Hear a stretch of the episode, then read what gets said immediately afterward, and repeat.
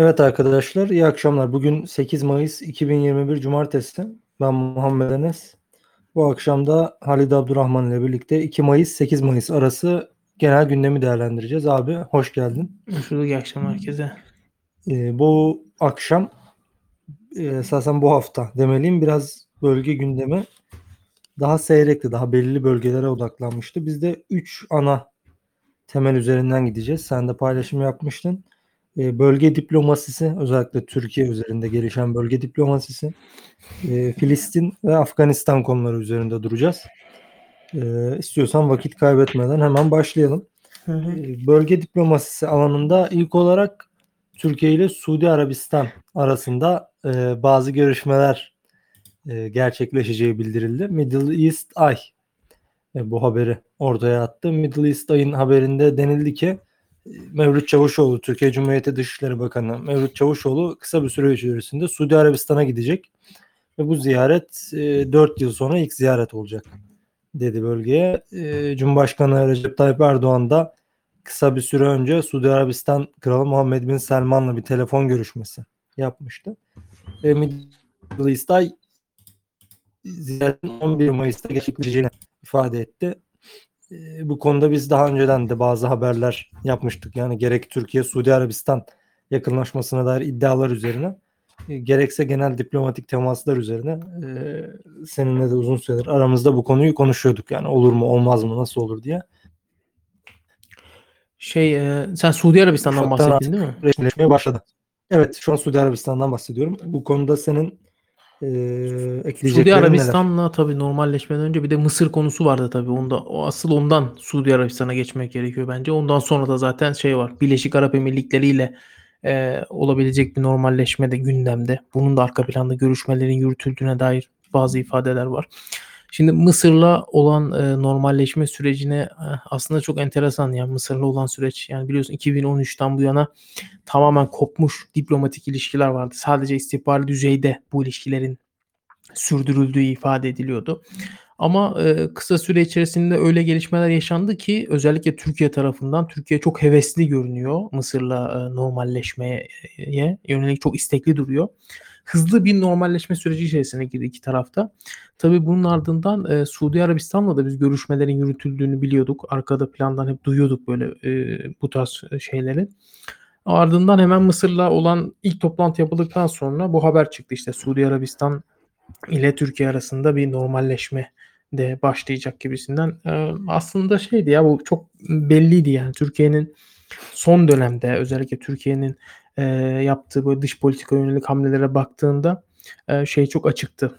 E, nasıl diyeyim?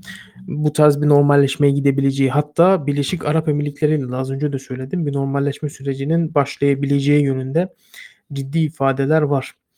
Eee, şu anda, eee, Mısır'la ancak pek iyi gitmiyor. Çünkü Mısır'ın şartları, eee, biraz zorlu. Yani burada Türkiye'nin istekli olduğundan bahsettim normalleşmeye ama Mısır da belli şartlar sunmuştu. Sen de biliyorsun özellikle Libya konusu, eee, Mısır'ın, eee, en önemli, eee, kilit konusu yani bu ki normalleşme sürecinde. Eee, bir konu daha var tabii o da İhvan konusu. Yani Libya ile İhvan konusu Mısır için oldukça önemli 2 konu. Bu iki konu birincisini ele alacak olursak İhvan konusunu biliyorsun 2013'teki eee, Mısır'daki darbenin ardından birçok İhvan yöneticisi, mensubu işte Türkiye'ye geldiler. Türkiye'ye yerleştiler. Burada kendi televizyon kanalları vardı, gündemleri vardı vesaire. Şimdi Mısır açık bir şekilde aslında bunların eee, iadesini istiyor kendisine Mısır. Türkiye'de benim aldığım ilk haberler bu yönde. Arap medyasından takip ettiğim kadarıyla Türkiye e, bunların Mısır'a iadesini kabul etmiyor. E, diyor ki ben bunları başka bir ülkeye deport edeyim. Artık oradan yani yurt dışına ben bunları göndereyim yani gibisinden bir şey. Ancak Mısır bunu kabul etmiyor. Mısır direkt kendine iade edilmesini istiyor bu ihvan mensuplarının. İhvan'la ilgili biliyorsun bir de o televizyon kanalları ile ilgili gelişmeler yaşanmıştı. İşte e, onların televizyon kanallarını bazı yayınlarını durdurmuşlardı.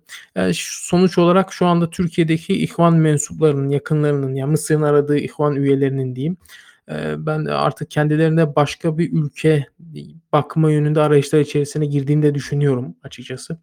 Çünkü yani Türkiye Mısır'la normalleşme sürecine girmesi demek artık İhvan mensuplarının Türkiye'yi güvenli bir liman e, olarak görmemesi anlamına geliyor. O yüzden ilerleyen dönemlerde bununla ilgili farklı şeyler yaşayabiliriz. Libya konusunda fikir anlaşmazlıkları var çok fazla. Ee, Türkiye ile Mısır arasında. Tabi bunlara başlıklar halinde değiniriz tabii istiyorsak eğer.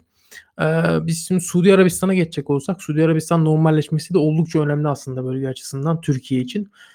Ee, burada e, çünkü Yemen'de biliyorsun İran destekli Husilerin bir ilerleyişi var. Burada Suudi Arabistan Yemen'deki Husileri durdurmak için bir ara Türkiye ile ciddi bir e, iletişim halindeydi. Orada işte insan hava araçlarının kullanılması vesaire hatta Cumhurbaşkanı Erdoğan bir açıklamasında Suudi Arabistan'ın e, insan hava aracı, silahlı insan hava aracı talep ettiğine yönelik bir açıklama yapmıştı Cumhurbaşkanı Erdoğan. E, orada ancak bunun tabii olması için Suudi Arabistan'la da ilişkilerin normalleşmesi gerekiyor. Bu konuda da Türkiye'yi ben e, hevesli görüyorum. Yani e, bir, ilk adımı atanın Türkiye olduğunu görüyoruz. Yani nitekim Mısır sürecinde de bu böyle olmuştu. Yani Türkiye adımını atmıştı. İlk önce hatta e, Çavuşoğlu'nun bir açıklaması vardı. Bakan Çavuşoğlu'nun Dışişleri Bakanı ön koşulsuz bir şekilde Mısır'la görüşeceğiz gibisinden bir açıklaması vardı. Ancak tabii ki Mısır'ın yaklaşımı bu şekilde değil. Yani Mısır biraz daha burada kilit aktör konumunda olduğu için, kendisini öyle gördüğü için biraz daha şartlar sunuyor. Benimle normalleşeceksen şunları şunları şunları yerine getirmen lazım gibisinden. O yüzden Suudi Arabistan'la yaşanacak sürecin de nasıl olacağını takip etmek gerekiyor. Burada e, ekleyeceğim benim bir nokta var. Yani burada Mısır Türkiye e, görüşme dediğimiz zaman burada esasen iki nokta var diyeyim. E, ilk nokta Türkiye'nin niye böyle bir girişim içerisine girdi? Yani bu esasen e, yani genel olarak bölgeyi takip edenler için bariz bir şey olsa da e, Doğu Akdeniz'de Türkiye'nin e, esasen karşısında çok geniş bir ittifak bulması. Yani senin de bildiğin gibi Birleşik Arap Emirlikleri, Suudi Arabistan, İsrail, Güney Kıbrıs, Yunanistan, Fransa gibi birçok devlet burada e, gerçekten yani kompetörlerden ötesinde bir araya gelip e, paneller düzenlemeye başladı artık. Türkiye'de karşısında hani böyle ciddi bir ittifak bulduğu zaman tabii ki e, özellikle ABD'de de Biden'ın e, görev başına gelmesiyle oluşan bu diplomatik görüşme ortamından faydalanmak istedi diye düşünüyorum. E, bir konu buydu. Bir ikinci konu da şu yani bu daha genel bir mesele. Seninle de konuşuyorduk hatırlarsın. Yani bu tarz haberler çıktığı zaman genellikle e, kitleler diyelim duygusal yaklaşıyor. Yani işte öyle şey olur mu bakın böyle böyle oldu. Yani sırf Türkiye özelinde de değil. Mesela iki tane kanlı bıçaklı devlet farz-ı muhal Pakistan'la Hindistan e, görüşme yapmaya başlıyor. Bazı insanlar duygusal yaklaşıp buna diyor ki ya öyle bir şey olur mu? İşte bu devletler birbirine savaşıyor. Siz işte şöyle taraflı yaklaşıyorsunuz vesaire gibi ama ya burada şunu görmek lazım. Biraz böyle e, aylık veya haftalık bazda değil de biraz daha böyle yukarıdan bakıp böyle 5 senelik, 10 senelik, 20 senelik, 50 senelik perspektiflerle bakıldığında şu çok açık görülüyor. Yani burada devletlerin sadece e, maslahatları var. Yani bundan öte böyle devletler bu tarz işlere çok duygusal bakmıyor. Mesela işte ihvan mensuplarının iadesi dediğimiz zaman birçok insan burada duygusal anlamda bakıp e, ya böyle bir şey olur mu vesaire gibi kuruyor kafasında. Böyle bir şey yapılmaz gibi kuruyor ama ya burada bu devletin Doğu Akdeniz'de mesela çıkarı öngördüğü zaman bunu yapar. Yani bu sırf Türkiye üzerinde bir şey değil. Bu şu anda dünyadaki bütün devletler için cari olan bir durum. Yani bunu da çok fazla garipsememek gerekiyor bence ve hani ana akım medyanın çok etkisinde kalmamak gerektiğini düşünüyorum bu konuda. Ama şunu da eklemek lazım yani Mısır Sisi rejimi insan hakları ihlalleriyle sürekli olarak gündeme gelen bir ülke konumunda şu anda. Evet Türkiye gerçekten 2013'ten bu yana oldukça ideolojik bir şekilde yaklaştı o şeye e, iktidar yani öyle yaklaştı Mısır konusuna. E, sürekli olarak yani e, Sisi aleyhine bir propaganda vardı Türkiye'de hatırlıyorsan yerel seçimlerde bile kullanılmıştı bunun ismi geçmişti yani. Tabii. E, ama e, baktılar ki olmadı. Gerçekten olmuyor. Yani çünkü her ne kadar Sisi darbeyle de başa gelse e, uluslararası kamuoyunda bir tanınırlığı var artık. Var yani bunu ka- olmuyor. Kabul etmeden senin bu varlığı kabul etme etmeden onunla iş tutamıyorsun. Yapamıyorsun. O yüzden de Türkiye artık 2013'ten bu yana işte 8 senedir kopuk olan ve sadece istihbari e, bir akış üzerinden devam eden e, diplomasiyi artık bir tık daha yukarı taşıma derdinde. Evet dediğin gibi doğru yani ülkeler ülkeler açısından sadece çıkarlar vardır. Duygusallık yoktur yani ülkeler açısından derken şu anki e, mevcut küresel sistemden bahsediyoruz. E, küresel bu diplomasi anlayışından bahsediyoruz. Kesinlikle çıkarlar vardır. Yani ne Türkiye için ne Mısır için oradan iade edilecek kişilerin, kişilerin isimleri, düşünceleri, dinleri vesaire önemli değildir. Sadece onlar bir rakamdan ibarettir. İstatistikten ibarettir daha doğrusu öyle söyleyeyim. O yüzden e, şeyler olabilir. E, dediğin gibi iadeler olabilir Mısır'la eğer gerçekten normalleşeceklerse. Ki çok istekli görünüyor iki tarafta buna. Çünkü bölgede Mısır, Suudi Arabistan ve İran yani bu ülkelerin e, şeyi oldukça önemli. E, rolleri oldukça önemli bölgede ve Türkiye sadece aslında bu ülkelerle de değil. Yani kendi çevresindeki ülkelerle de değil. İşte diğer ülkelere baktığın zaman Batı'yla da ilişkileri artık böyle e, ne olursa olsun düzeltelime gidiyor artık. Yani sanki ben öyle anlıyorum, öyle okuyorum yani. Yani tabii genel olarak böyle bir e, gidişat var. Ben bunun artacağını da düşünüyorum. Ha, buna değinme sebebim de şuydu dinleyen arkadaşlar için özellikle. Yani şaşırmamak istiyorsak bu küresel siyasette her şeyin olabileceği, yani her şey olur. Bu e, eksende okumak lazım birçok mevzuyu. Ya Çünkü Türkiye'de ama evet evet sen, sen devam et. tabii yani bu kadar benim diyeceğim. Çok uzatmak Ya da şey olduğu için Türkiye'de e, şu, şu iki kavram iç içe girmiş vaziyette yani devlet ve iktidar. Yani bu kavramlar iç içe girmiş vaziyette. Yani bugün AK Parti'nin politikaları e, devlet politikası olarak anlaşılıyor, karıştırılıyor. Ya aslında böyle değil, birbirinden ayrı. E, ama bizde tabii öyle değil yani bizde her şey iç içe girmiş durumda. Yani bugün işte e, baktığın zaman çünkü çok büyük çelişkiler ortaya çıkıyor bu sefer. Sen AK Parti'nin e, iktidar partisinin mevcut politikalarını e, Türkiye Cumhuriyeti Devleti'nin bir politikası olarak ortaya koyduğunda bu şekilde çelişkiler ortaya çıkıyor. Yani dediğim gibi geçtiğimiz işte Rabia vardı. Ne oldu mesela Rabia? İşaretinden bahsediyorum.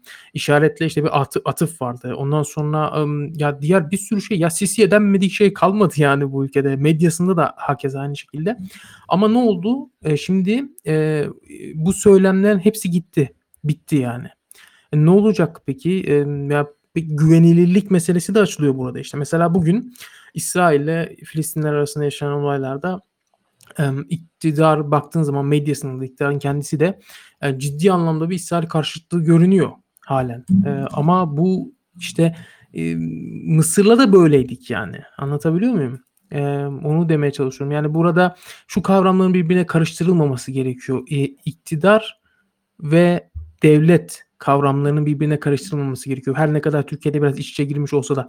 Mesela bunun en güzel örneği e, Amerika üzerinden verilebilir. Yani Amerika Birleşik Devletleri'ne baktığında bir Amerikan yönetimi vardır, bir de Amerikan devleti vardır. Amerika Birleşik Devletleri devleti vardır. Yani e, en son mesela Afganistan önünde görüyoruz ya Trump diyor ben askerleri çekeceğim. Pentagon ne diyordu? E, onun askerleri çekeceğim demesine karşın e, şu kadar daha durmamız lazım. Çünkü o biraz da her ne kadar kendi içerisinde farklı kliklere ayrılmış olsa da Amerikan devleti e, ama şeyi var e, kendi çıkarlarını savunuyordu ama Trump'ınki biraz daha o kendi iktidarının açıklamalarını yapıyordu. İşte şu bu bahsettiğim ayrım e, biraz daha karışmış durumda Türkiye'de iç içe. Aynen öyle. Biz istiyorsan diğer konu başlığımıza geçelim bu konuda Olur. ekleyeceğim bir şey yoksa. Yok da. Ee, bir diğer diplomatik bölge diplomasisi alanında bir diğer e, nasıl diyeyim gelişme de İran'la Suudi Arabistan arasında yaşandı. Bunlar böyle üst üste geldiği zaman insanlar böyle ya ne oluyor dünya tersine mi dönüyor şeklinde bir düşünceye kapılabilir. Hakikaten de böyle yani 180 derece bir değişim oldu. Bu biraz hatta biraz değil yani tamamına yakın Biden'ın bölgede etkisiydi yani. Evet. Trump gittikten sonra zaten çoğu uzman böyle bir değişimi bekliyordu. Ee, İran ile Suudi Arabistan arasında görüşmelerin gerçekleştiği ilk kez resmi ağızdan teyit edildi. Ee, Irak Cumhurbaşkanı Berhem Salih e, bir verdiği bir röportajda bu hafta ortasında dedi ki e, bu ayın başından beri yani Mayıs'ın başından beri Irak'ta e, İran'la Suudi Arabistan görüşüyor. E, aslında Batı basınına da yansımıştı bazı analizlere Nisan'dan beri görüştükleri. Ama bu ilk kez resmi bir ağızdan teyit edilmiş oldu. Tabii bu müzakerelerin içeriğine, ajandasına dair bir ayrıntı vermedi Berhem Salih. E, Ama iki ülke arası ilişkiler, bölgesel vekalet savaşları ve e, ülkelerin gidişatı masada diye tahmin ediliyor. Tabi burada şunu da eklemekte ben fayda görüyorum. Ee, Biden geldikten sonra ABD'nin e, İran'a karşı politikasında ciddi bir hafifleme, özellikle Obama dönemine dönüş oldu. Nükleer müzakereler tekrar başladı vesaire. Yani bunun bölgede İran'ın etkisini artırması artık hani bir ihtimalin ötesinde yüksek bir ihtimal diyelim. Suudi Arabistan'ın da esasen bu vekalet savaşında geleneksel pozisyonundan değişik bir hal aldığını görüyoruz. Özellikle Veliaht Prens Muhammed Bin Selman'ın hani tırnak içinde imaj faaliyetleriyle ülkeyi hızla sekülerleştirmesiyle daha böyle turizm açısından, bilim sanayi açısından vesaire öne çıkan bir devlet haline getirmesiyle daha farklı yer görmüş.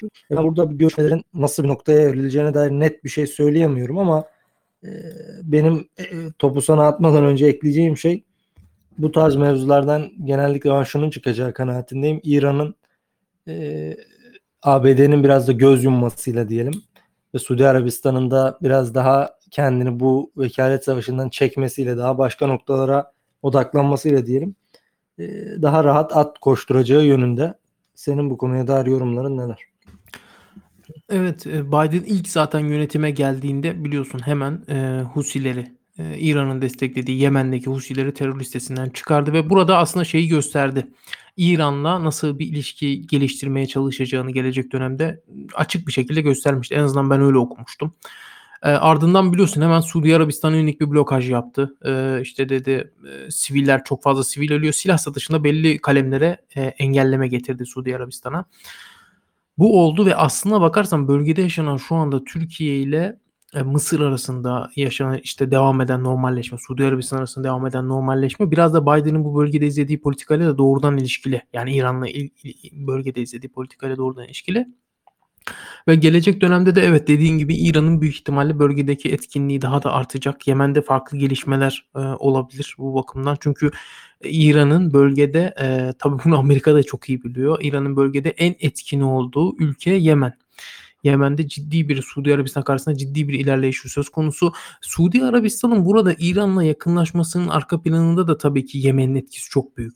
Ancak ne yapabilirler? Orada işte e, tam olarak onu kestirmek güç. Çünkü Suudi Arabistan Yemen e, İran'la bir yandan normalleşmek isterken diğer yandan da Yemen Yemen'de İran'ın savaştığı işte Mansur Hadi hükümetine e, yoğun destek veriyor. Yani hükümetin ayakta kalmasını sağlayan yegane güç yani Suudi Arabistan'la Birleşik Arap Emirlikleri orada. İşte burada farklı şeyler devreye giriyor. Bunu, bunu da herhalde sabaha kadar konuşuruz yani. Ancak e, son olarak bu İran'la Amerika Birleşik Devletleri arasında devam eden evet bu müzakerelere bir geri dönüş var dedik. Obama dönemine bir geri dönüş var. Evet zaten bu pek şaşırtıcı bir şey değil. Çünkü biliyorsun Joe Biden e, şeyin Obama'nın yardımcısıydı ve o, o dönemdeki takım neredeyse e, birkaç kalem eksik sadece. Aynen devam ediyor şu anda da bana çok şaşırtıcı gelmiyor aslına bakarsan. Öyle bakalım ne olacak ilerleyen dönemde bu bölgede. Evet, bu da ayrı bir gündem maddesiydi. İstersen diplomasi konusunu geride bırakalım. Biraz daha sahaya inelim. Filistin'e geçelim. Ee, Filistin dün dünyanın gündemine, Türkiye'nin gündemine tekrar girdi. Ee, burada esasen uzun süredir devam eden bir olay vardı. Ben e, istiyorsan ilk olarak bölgeye dair bir e, arka planı çizeyim. Yani bugüne nasıl gelindi? Neler oldu bölgede? Çünkü Hı. yani biraz e, bizde maalesef şöyle bir durum oluyor. Genellikle gündemleri böyle e, bir anda önümüzde buluyoruz. Yani bölgelerin e, gidişatına dair çok fazla ayrıntı takip etmediğimiz için, ne olduğunu bilmediğimiz için böyle e, önümüzde buluyoruz gündemleri ama arka planını biraz e, irdelemek lazım. Burada Filistin'deki gerilimin e, esasen üç temeli vardı. İlki Filistin'de uzun süredir planlanan seçimlerin e, Kudüs'te yapılamayacağına dair ifadeler ve bunun bölgede Filistinliler arasında gerilimi artırması. Yani e, Mahmut Abbas dedi ki Filistin lideri diyelim. E, Mahmut Abbas dedi ki İsrail seçimleri Kudüs'te yaptırmayacak. Ben o yüzden seçimleri erteliyorum. Tabii bunu e, neredeyse hiçbir Filistinli kabul etmedi. Mahmut Abbas'ın çevresindekiler hariç. Bu gerilimi artıran bir etken oldu. E, Filistin'de, Kudüs'te Filistinliler seçimler yapılsın diye bir baskı kurdular. Bir diğer mevzu Kudüs'te e, bölgenin e, bölgede Filistinli Müslümanların en eski yerleşim yerlerinden olan Şeyh Cerrah mahallesinde İsrail'in bazı evleri tahliye etmek ve bölgeye Yahudileri yerleştirmek istemesi ve bu yöndeki mahkeme kararları. E, buna dair biz haberler de yapmıştık. Burada şöyle bir durum var. İsrail mahkemesi Yahudilerin başvurusu üzerine bir karar oluyor ve diyor ki e, burada Yahudiler oturuyordu. Ben bu evleri Yahudilere vereceğim tekrar. Burada protestolar devam etti. Burada gerilimler oldu. Gerilimi artıran esasen en temel şeylerden biri de İsrail'in e, desteklediği, İsrail güvenlik güçlerinin desteklediği Yahudi yerleşimcilerin bölgeye bir baskın, Mescid-i Aksa'ya bir baskın düzenleyeceğiydi. 9-10 Mayıs tarihlerinde gece saatlerinde yaklaşık 30 bin Yahudinin Mescid-i Aksa'ya baskın düzenlemesi bekleniyor. Bu da bölgede gerilimi artıran bir diğer etken. Birçok Filistinli Mescid-i Aksa içerisinde nöbet tutuyor. Ee, senin genel e, bu meselelere dair yorumun ve aktaracaklarına e, ben dinlemek isterim. Ondan sonra bölgedeki ayrıntıları vermeye ben devam edeceğim. Vallahi ne- nereden başlayacağım bilmiyorum ki o kadar çok şey oldu. Konu birikti.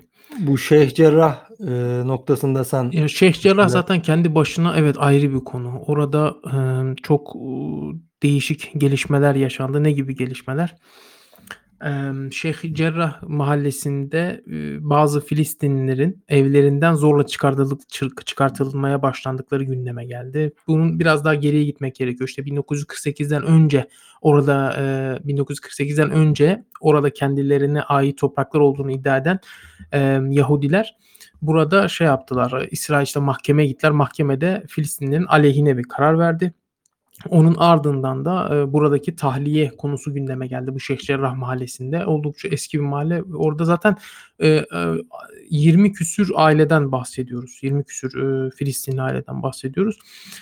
İşte çıkartılmaya başladılar. Birçok e, orada gösteriler gerçekleştirildi. Gösterilerin ardından e, başka diğer bölgelerden de Filistinliler geldi oraya destek vermeye falan. Halen daha o bölgedeki gerilim devam ediyor aslına bakarsan. Zorla oradakileri evlerinden çıkartıp oraya e, Yahudi nüfusu yerleştirecekler. İsrail'in amacı bu.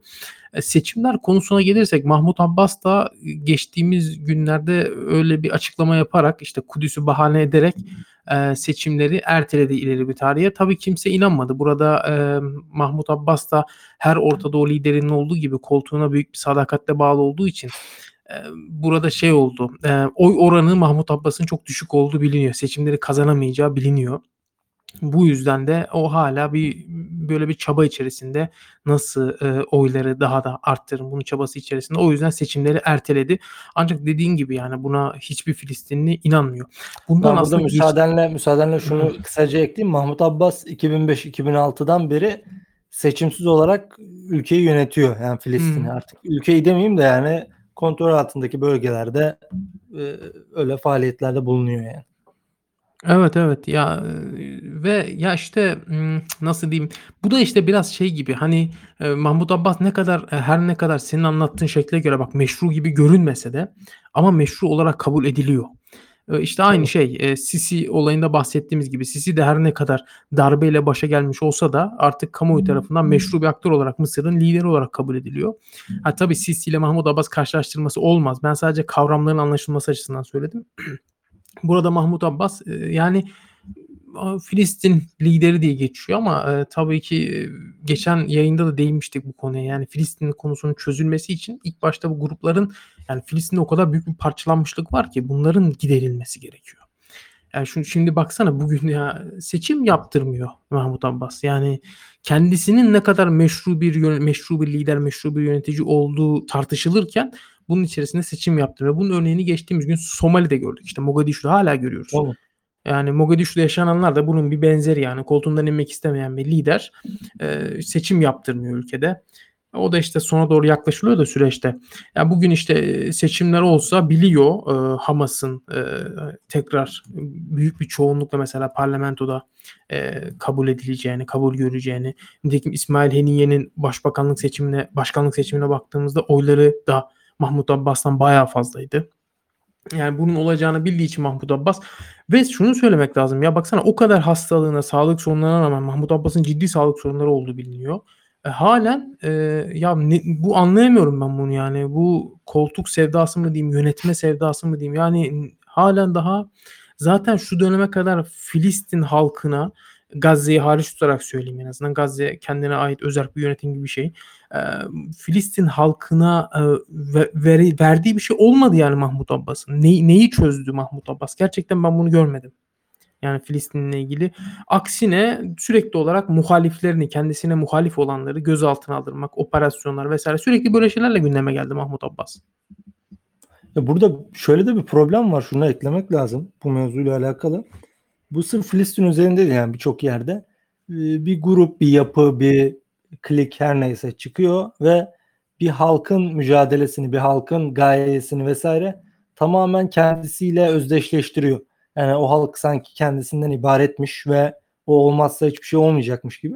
Ya bu yanlış bir tavır. Geçenlerde e, bu El Fetih'in yani Mahmut Abbas'ın başında olduğu partinin e, içinden bir kişi açıklama yaptı seçimlerle ilgili. Dedi ki ya seçimin olması mantıksız halinde konuşuyor. E, dedi yani biz bir ulusal kurtuluş hareketiyiz. Ulusal kurtuluş hareketleri bir kere lider seçer ondan sonra o liderle devam eder gibisinden bir açıklamada bulundu. Yani burada tamamen şu var. Biz Filistin davasını yürütüyoruz. Yani e, artık hatasıyla sevabıyla her şey bizim üzerimizde. O yüzden seçim yapmaya çok da gerek yok gibisinden bir mantık var. Ve bu mantığın da işte nelere yol açtığını esasen görüyoruz. Yani senelerdir Filistin'de birçok şey oluyor ama hiçbir adım atılamıyor. Sürekli İsrail üstüne koyuyor. Sürekli Filistinli Müslümanlardan e, bir şeyler alınıyor. Sürekli Filistinli Müslümanlar mağdur oluyor. Evet. Hiçbir adım da atılmıyor yani. E, ben istersen e, devam edeyim. Hı hı. E, e, dün dün gece dönem saatlerinde Mescid-i Aksa'da e, esasen yarın ve öbür e, gece yaşanacak Yahudi baskının bir provası şeklinde çatışmalar oldu. E, İsrail polisi Şam kapısını yanlış hatırlamıyorsam kapatmaya çalıştı vesaire. E, 200'ü aşkın Filistinli yaralandı bu çatışmalarda. Halen de bölgede gerilim hakim ve hani gerilim e, artarak devam ediyor bazı kritik tarihler var yani bölgede tansiyonun yükseleceğine dair. Bunlardan biri dündü. Ee, Kudüs günü Filistinlilerin kutladığı. Esasen bu Kudüs günü de yani e, antiparantez bir ekleme yapalım. İran'ın 1979 yılındaki devriminin lideri olan Hümeyni'nin ilan ettiği bir gün. Hümeyni kaç yılında hatırlamıyorum. 80'li yıllarda olması lazım. Yanlış hatırlıyorum e, her Ramazan ayının son cumasını Kudüs günü olarak ilan etmişti. Evet. 7'sine denk geldi. E, Bir diğer tarih bu dediğimiz Kadir Gecesi olması beklenen e, zamanlarda 9-10 Mayıs tarihlerinde Yahudi yerleşimcilerin planladığı bir baskın var. E, Keza ertesi gün 10 Mayıs'ta İsraillilere ait bir Kudüs günü var. E, Yine aynı gün 10 Mayıs'ta İsrail Mahkemesi Şeyh Cerrah Mahallesi davasında kesin hükmünü açıklayacak. E, bu da bir gerginlik tarihi. Bundan sonra 14 Mayıs tarihi ABD'nin e, İsrail Büyükelçiliğini Kudüs'e taşımasının yıl dönümü. E, Kudüs'ü İsrail'in başkenti olarak tanımasının esasen yıl dönümü. E, 15 Mayıs tarihi e, Nekbe yani Filistinlilerin vatanlarından çıkarılması büyük felaket olarak adlandırılan tarihin yıl dönümü. E, 22 Mayıs'ta son olarak seçimlerin Filistin seçimlerinin yapılması beklenen tarih. Ama Mahmut Abbas dediğimiz gibi süresiz olarak ertelemişti seçimleri. Bu tarihlerin e, gerilimi sürekli olarak artırması bekleniyor. Ve son olarak da Filistinli gruplar, Gazze merkezli Filistinli grupların İsrail'e yönelik tehdit açıklamaları da sürüyor. Geçenlerde bunu aktarmıştık.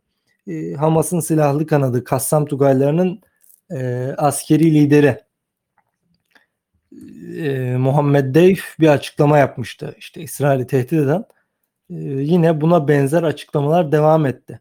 E, işte saldırı olacak vesaire minvalinde e, ve sınırdan yangın balonları, yangın uçurtmaları atılarak İsrail'e daha küçük çaplı saldırılar düzenlenmeye devam ediliyor. Bölgede e, tansiyon yani ilerleyen günlerde daha da yükselebilir diye e, düşünüyorum. Senin bu konuda ekleyeceklerin neler? Vallahi o kadar çok konu oldu ki 4-5 tane saydın. Ben sadece bir bu şey e, dünkü baskından bahsedeceğim. Eee, dünkü Kudüs'te işte namaz kılarken eee, Müslümanların orada, eee, İsrail polisinin, İsrail güvenlik güçlerinin o Mescid-i Aksa'ya yönelik bu bir baskını, ga kapsamlı bir baskındı. Hâlen daha, eee, bu baskının nedeninin, eee, yani bu baskın demeyeyim de oradaki yaşanan izdihamın, dünkü müdahalenin nedeninin ne olduğu çözülebilmiş değil.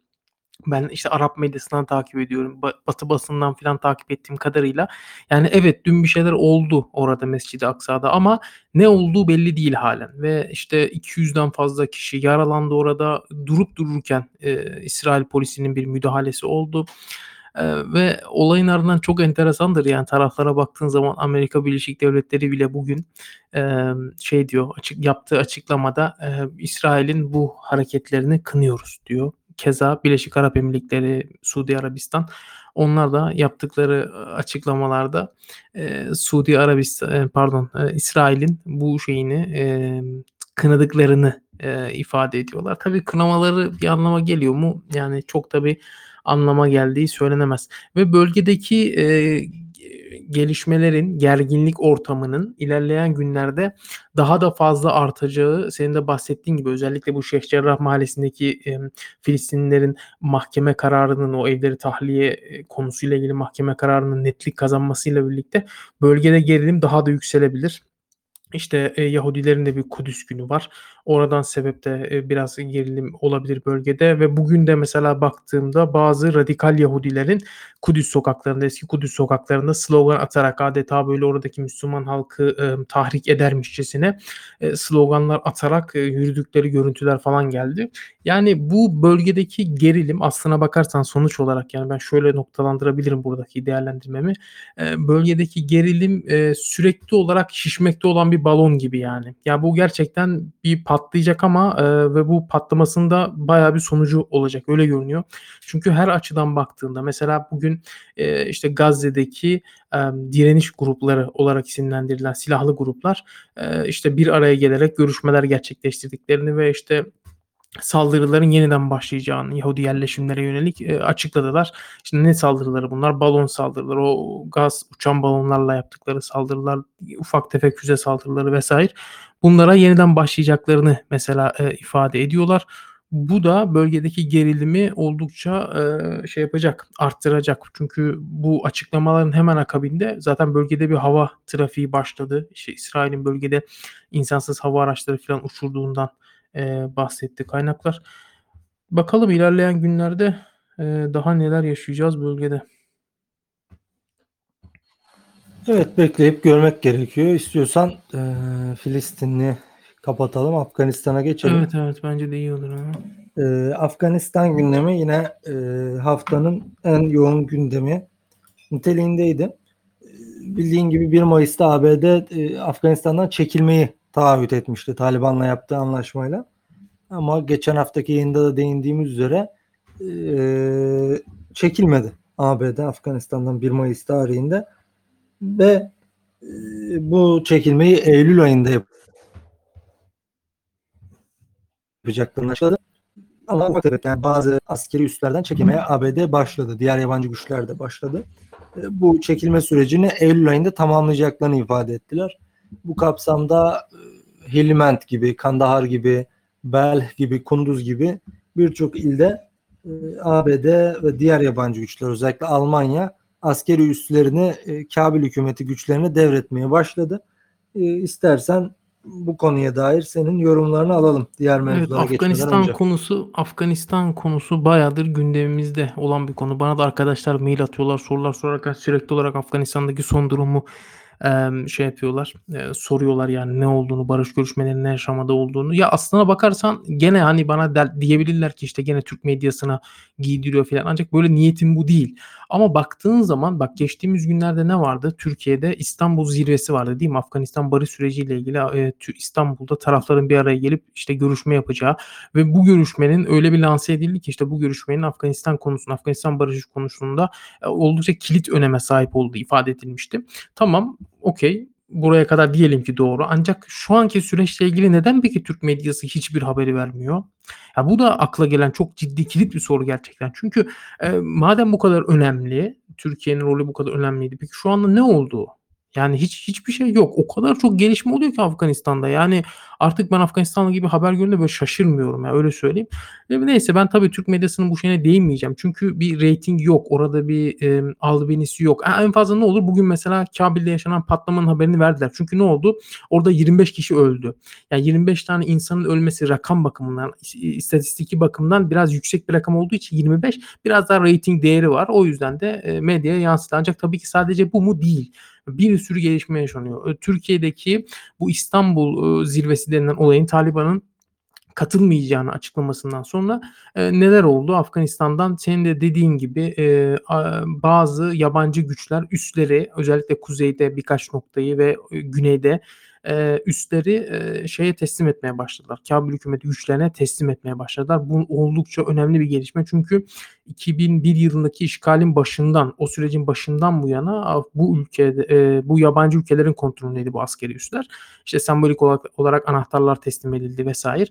E, sonrasında ülkede bir anda son birkaç günde özellikle birkaç e, evet birkaç günde gündür e, böyle bir şiddet patlaması yaşanıyor. Yani her yerden saldırı haberleri geliyor. Artık e, işte bugün en sonuncusu mesela Kabil'de şeyin önünde Kabil'in batısında bu Şii Hazara nüfusun yoğun olarak yaşadığı bir bölge vardı. O bölgede bölgenin ismini şu anda hatırlayamadım da Deşti Berçi bölgesi. Bölgede bir okulun önünde patlama meydana geldi. Yani bu patlamada e, en az 30 kişinin öldüğünden 50'den fazla kişinin yaralandığından bahsediliyor. Yani patlamayı kimin gerçekleştirdiği ifade edilmiyor. Burada üstlenen de olmadı henüz bildiğim kadarıyla. Ancak bu saldırının bile e, arkasında nelerin olacağını e, ayrı bir programda konuşulur bu. O nelerin olduğu.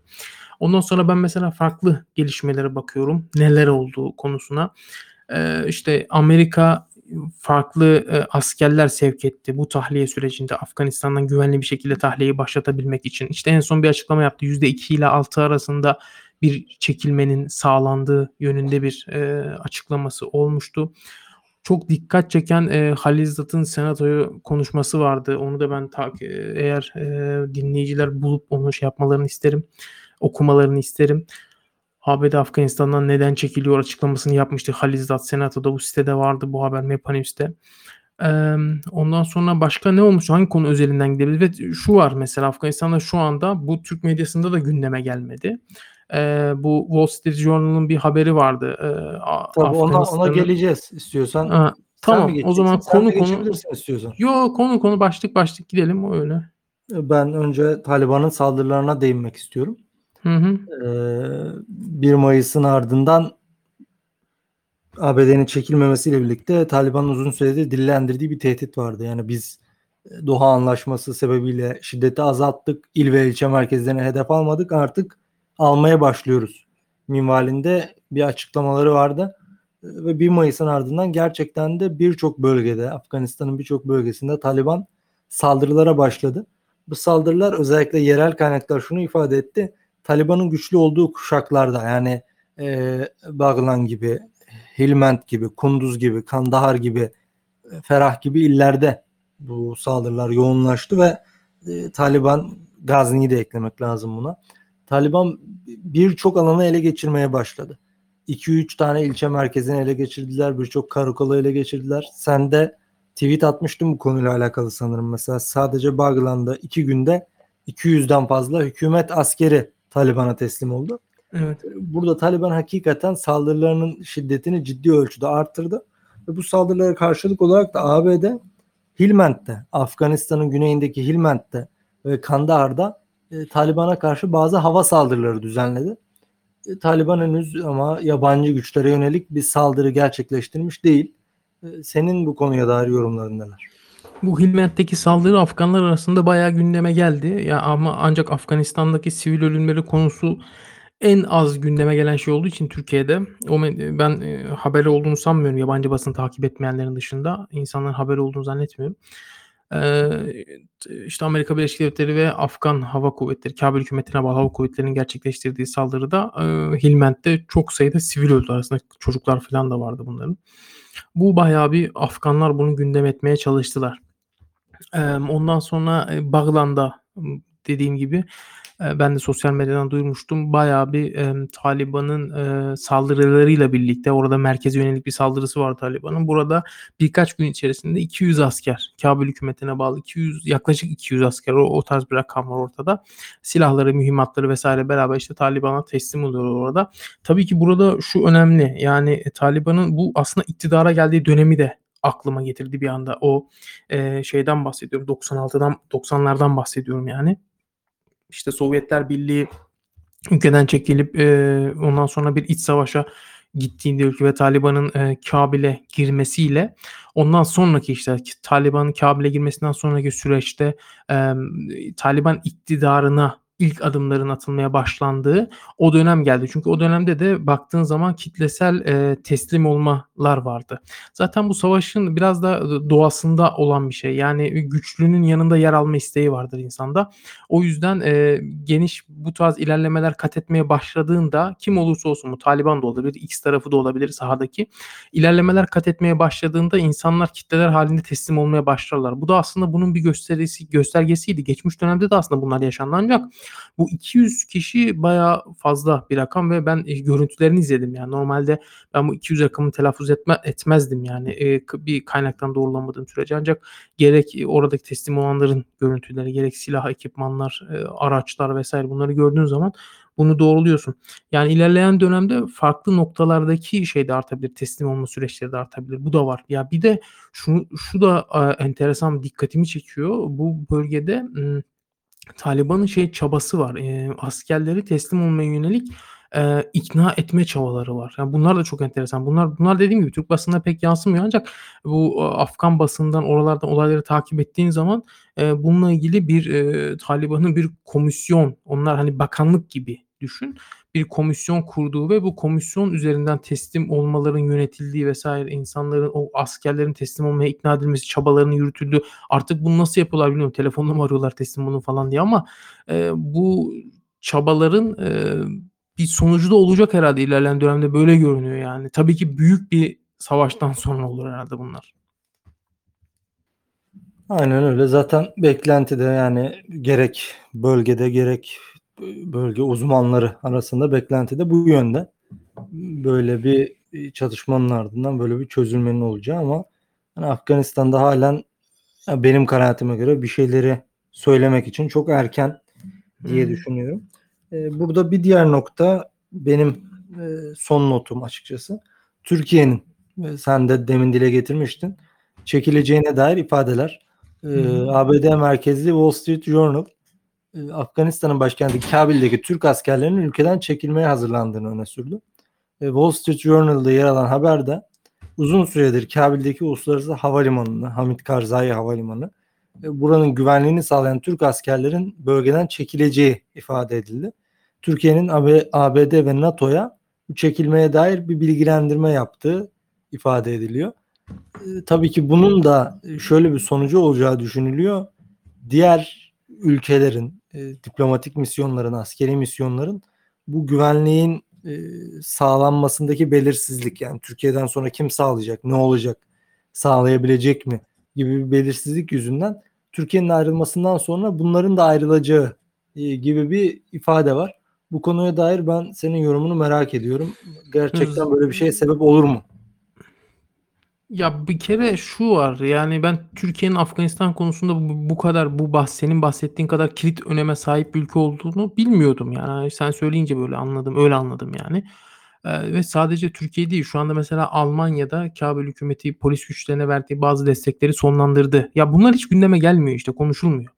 Eee, o desteği hem, ekipman desteğini sonlandırdı hem de bir misyonları vardı bunların. O as polislere verilen destek misyonları. Bunların da sonlandırıldığını açıkladı. Zaten üsleri falan teslim ettiklerinden bahsettik. Dolayısıyla, Türkiye'de A A Amerika Birleşik Devletleri ile Taliban arasında imzalanan bu anlaşma neticesinde zaten, eee, ülkeyi terk edecek ülkeler arasında. Yani, herkes çıkıp Türkiye orada durmayacak. Eee, dolayısıyla Amerika Birleşik Devletleri çekilirken Türkiye de yavaş yavaş oradan zaten NATO bünyesinde bulunuyor orada. Oradan çekilecektir. Bu haberde, eee, şey vardı, değişik bir detay vardı Wall Street'in haberinde. Hemen şuradan. Türk birliklerin diğer yabancı güçler gibi bölgeden çekilebileceği ifade ediliyor zaten demiş haberin içerisinde. Bir de, şey vardı. Yani çekilmesinin başkentteki yabancı varlığını tehlikeye atabileceği. Ya şöyle bir şey var. Zaten e, başkentteki e, yabancı misyonların varlığı ciddi anlamda yıllardır tehlikede. Yani Afganistan'da. O yüzden pek değişecek bir şey değişecek bir şey olacağını ben zannetmiyorum. Yani Türkiye zaten orada Kabil hükümeti güçlerine verdiği askeri eğitimlerle biliniyor Kabil'de. O yüzden e, ben de herhalde bir an önce çıkmanın derdine düşerdim yani. Çünkü baktığın zaman diğer ülkeler e, Türkiye'den daha hızlı davranıyor. Mesela Almanya daha hızlı davranıyor bence çekilme konusunda. O Evet. misyonları falan sonlandırdılar. ABD'nin ardından en fazla etkinlik gösteren ülkeydi. Ee, Afganistan'da 1200-1300 civarı askerleri var e, Afganistan'da. Evet, onlar şu anda hızlı bir şekilde çekilmek istiyorlar. Tabii. Zaten e, daha bu tarih gelmeden önce Kunduz'dan e, Belhe Mezarı Şerif'e çekilmişlerdi. Yani Mezarı. Şerif çok böyle etkin bir cephe hattı değil. Kunduz cephe hattından çekilmişlerdi. Tabii bu çekilmelerin de artık e, Taliban'ın özellikle kırsaldaki ilerleyişini artıracağı düşünülüyor. E, Taliban'ın genel olarak askeri açıdan şöyle bir e, ilerleme metodu var. Daha böyle alması, elde tutması zor olan merkezlerden ziyade onların çevresindeki karakollar, onların çevresindeki bölgeleri hedef alma gibi daha yumuşak Hı hı. ve uzun vadeli bir stratejisi var. Bu stratejinin işte- biraz daha Şeyden Tabii. bahsettin ya sen saldırılardan falan o, o konusu da açılmış oldu. İşte bazı hamleleri oldu aslında Taliban. Mesela Gazni kent merkezinin eteklerine bazı saldırılar gerçekleştirdi. Hilment kent merkezi leşkergaha bazı saldırılar gerçekleştirdi. Ancak bana soranlara da söylüyordum yani. Ben bu saldırılara biraz böyle baktığımda o saldırının atmosferinden anlaşılıyor ne oldu. O da şuydu yani bunlar sadece e, biraz daha görüşmeler esnasında böyle e, masa, elini güçlendirmek gibi söyleyelim. O tarz saldırılardı. Yani doğrudan bir ilçe merkezini ele geçirmek bununla ilgili böyle bir saldırı zaten şu anda e, bence e, pek mümkün değil. Çünkü e, Taliban her ne kadar saldırılar gerçekleştiriyor olsa da şu anda Afganistan'da ama bir yandan da işte bu çekilme sonrası o gücünü de muhafaza etmeye çalışıyor. Yani kendi gücünü e, hem bir, bir yandan konsolide etmeye çalışıyor bir yandan da korumaya çalışıyor. Çünkü Amerika Birleşik Devletleri ve diğer yabancı güçler çekildiğinde Afganistan'dan e, e, daha güç en çok o zaman lazım olacak ona. Öyle söyleyeyim yani. Yani baktığında çünkü halen e, hiçbir şey sorusuna cevap vermiyorlar. Siz nasıl iktidar olacaksınız ülkede? Hiçbir zaman seçime katılacağız falan gibi şeyler söylemiyorlar. İşte bu son saldırıları da aslında buna cevap olarak geliyor. Yani biz işte bu şekilde iktidara geleceğiz tekrar. Bu şekilde rejimimizi tekrar kuracağız. Yani bu anlama geliyor. O yüzden biraz daha bekleyip e, yeni çatışma haberlerini takip etmek gerekiyor. Tabii. Ya zaten burada şunu düşünmek de bence çok makul değil. Yani ben e, Taliban'ın da yani sırf bu Taliban üzerinde de değil bu kadar eli güçlü olan hiçbir tarafın başkalarına böyle yani kısa vadede iktidar olmak için bir iki senede iktidar olmak için başkalarına böyle başka taraflara taviz verip koz verip bir arayış içine gireceğini zannetmiyorum. 5 sene daha savaşı yayar. Kendisi iktidara gelir. Böyle bir yol izler. Yani burada Tabii işte adam ya baktığın zaman hükümeti falan Tabii mantıklı. ya sen kim kim olsa ben bunu Taliban özelinde söylemiyorum yani 20 yıl savaşmış bir e, bir yapılanma bir hareket bir grup var ortada sen 20 yıl savaştıktan sonra niye seçimlere dahil olasın ki yani sadece dediğim gibi Taliban özelinde söylemiyorum bunu. Yani sen e, 20 yıldır savaşmışsın sahada üstün konumdasın askeri anlamda. Yani diyor ki mesela ben röportajlarını izliyorum. Diyorlar ki çıkmazsan olur Amerika savaşmaya devam ederiz. Yani adam bir 20 yıl daha savaşmayı gözden çıkartabilir. O rahatlıkta konuşuyorlar. O yüzden bu kadar savaşmışken neden e, şey yapsın ki seçimlere katılsın ki kaybetme ihtimali olacağı bir seçimlere. Ya e, bir de şunu demek istiyorum. Yani e, aslında bu olay bu seçimlere katılma olayı falan gibi şeyler bunlar kamuoyuna e, Amerika'nın e, kamuoyuna insanların bilmesini istediği şeyler yani sadece bunları aktarıyorlar. İşte bu seçim konusu vesaire aslında böyle bir şey hiç yoktu. Ben hiç e, gündeme geldiğini hatırlamıyorum yani Taliban'ın seçimlere katılacağını Afganistan'da bir seçimler kurulup falan. E, çünkü e, mesela Zelmay Halilzad işte Afganistan'a ABD'nin Afganistan özel temsilcisi onun mesela açıklamalarına baktığında e, çok rahat bir şekilde şeyi anlıyorsun. Yani bu adamlar tekrar iktidara gelecekler diyor adam. E, senatörlere e, verdiği soruların verdiği cevaplara cevaplarda işte. E, hatta şeyde vardı bu Biden'a sunulan istihbarat raporları vardı. Ee, ne olur mesela gibisinden sorular işte "Aa, biz çekildikten sonra ne olur bunlar o, orada işte en açık yanıtları görebiliyorsun. Ee, bizim görebileceğimiz yani. İşte birkaç ay içerisinde bir savaştan sonra birkaç ay bir 6 ay galiba telaffuz ediliyordu yanlış hatırlamıyorsam. Ee, Taliban'ın kontrolüne geçeceğinden bahsediliyor. İktidarın bu yönde değişeceğinden bahsediyor mesela raporlarda. Ne derece doğru ne derece yanlış bilmiyorum ama burada e, bizim e, referans noktamızın Taliban olmadığını da aslında anlamak gerekiyor. Yani burada e, nasıl diyeyim yani Taliban yerine kim olsaydı bunlar bu şekilde olacaktı. Bu olaylar bu şekilde gelişecekti. Yani zaten sen güçlüsün sahada. Baktığın zaman sahada gerçekten hiç olmadığı kadar. Yani 2001 işgalinden önceki süreçte bu kadar güçlü değillerdi. Evet bir iktidarları vardı. bir Kent merkezlerini kontrol ediyorlardı. Ancak bu kadar yayılmamışlardı. Yani bugün sen baktığında Cevzcan'da, kuzeyde Kunduz'da, Belh'te, Mezar'da yani e, hiç bu kadar etkinliği yoktu yani. E, kimsenin de aklına gelmiyordu bu kadar etkin olacağı. Ancak e, daha da fazla büyüdü. Tabii. Aynen öyle. Yani bunu birçok uzman da dile getiriyor. Ha, süreci takip etmek lazım. Nasıl gelişmeler olacağına dair. Evet. Benim aktaracağım başka bir not yok. Senin eklemek istediğin bir Yok, husus yoksa yok. o zaman Tamamdır. eee, kapatalım. Eee, arkadaşlar eee, hepinize dinlediğiniz için çok teşekkür ediyorum. İyi bir akşam diliyorum. Hoşçakalın. İyi akşamlar herkese.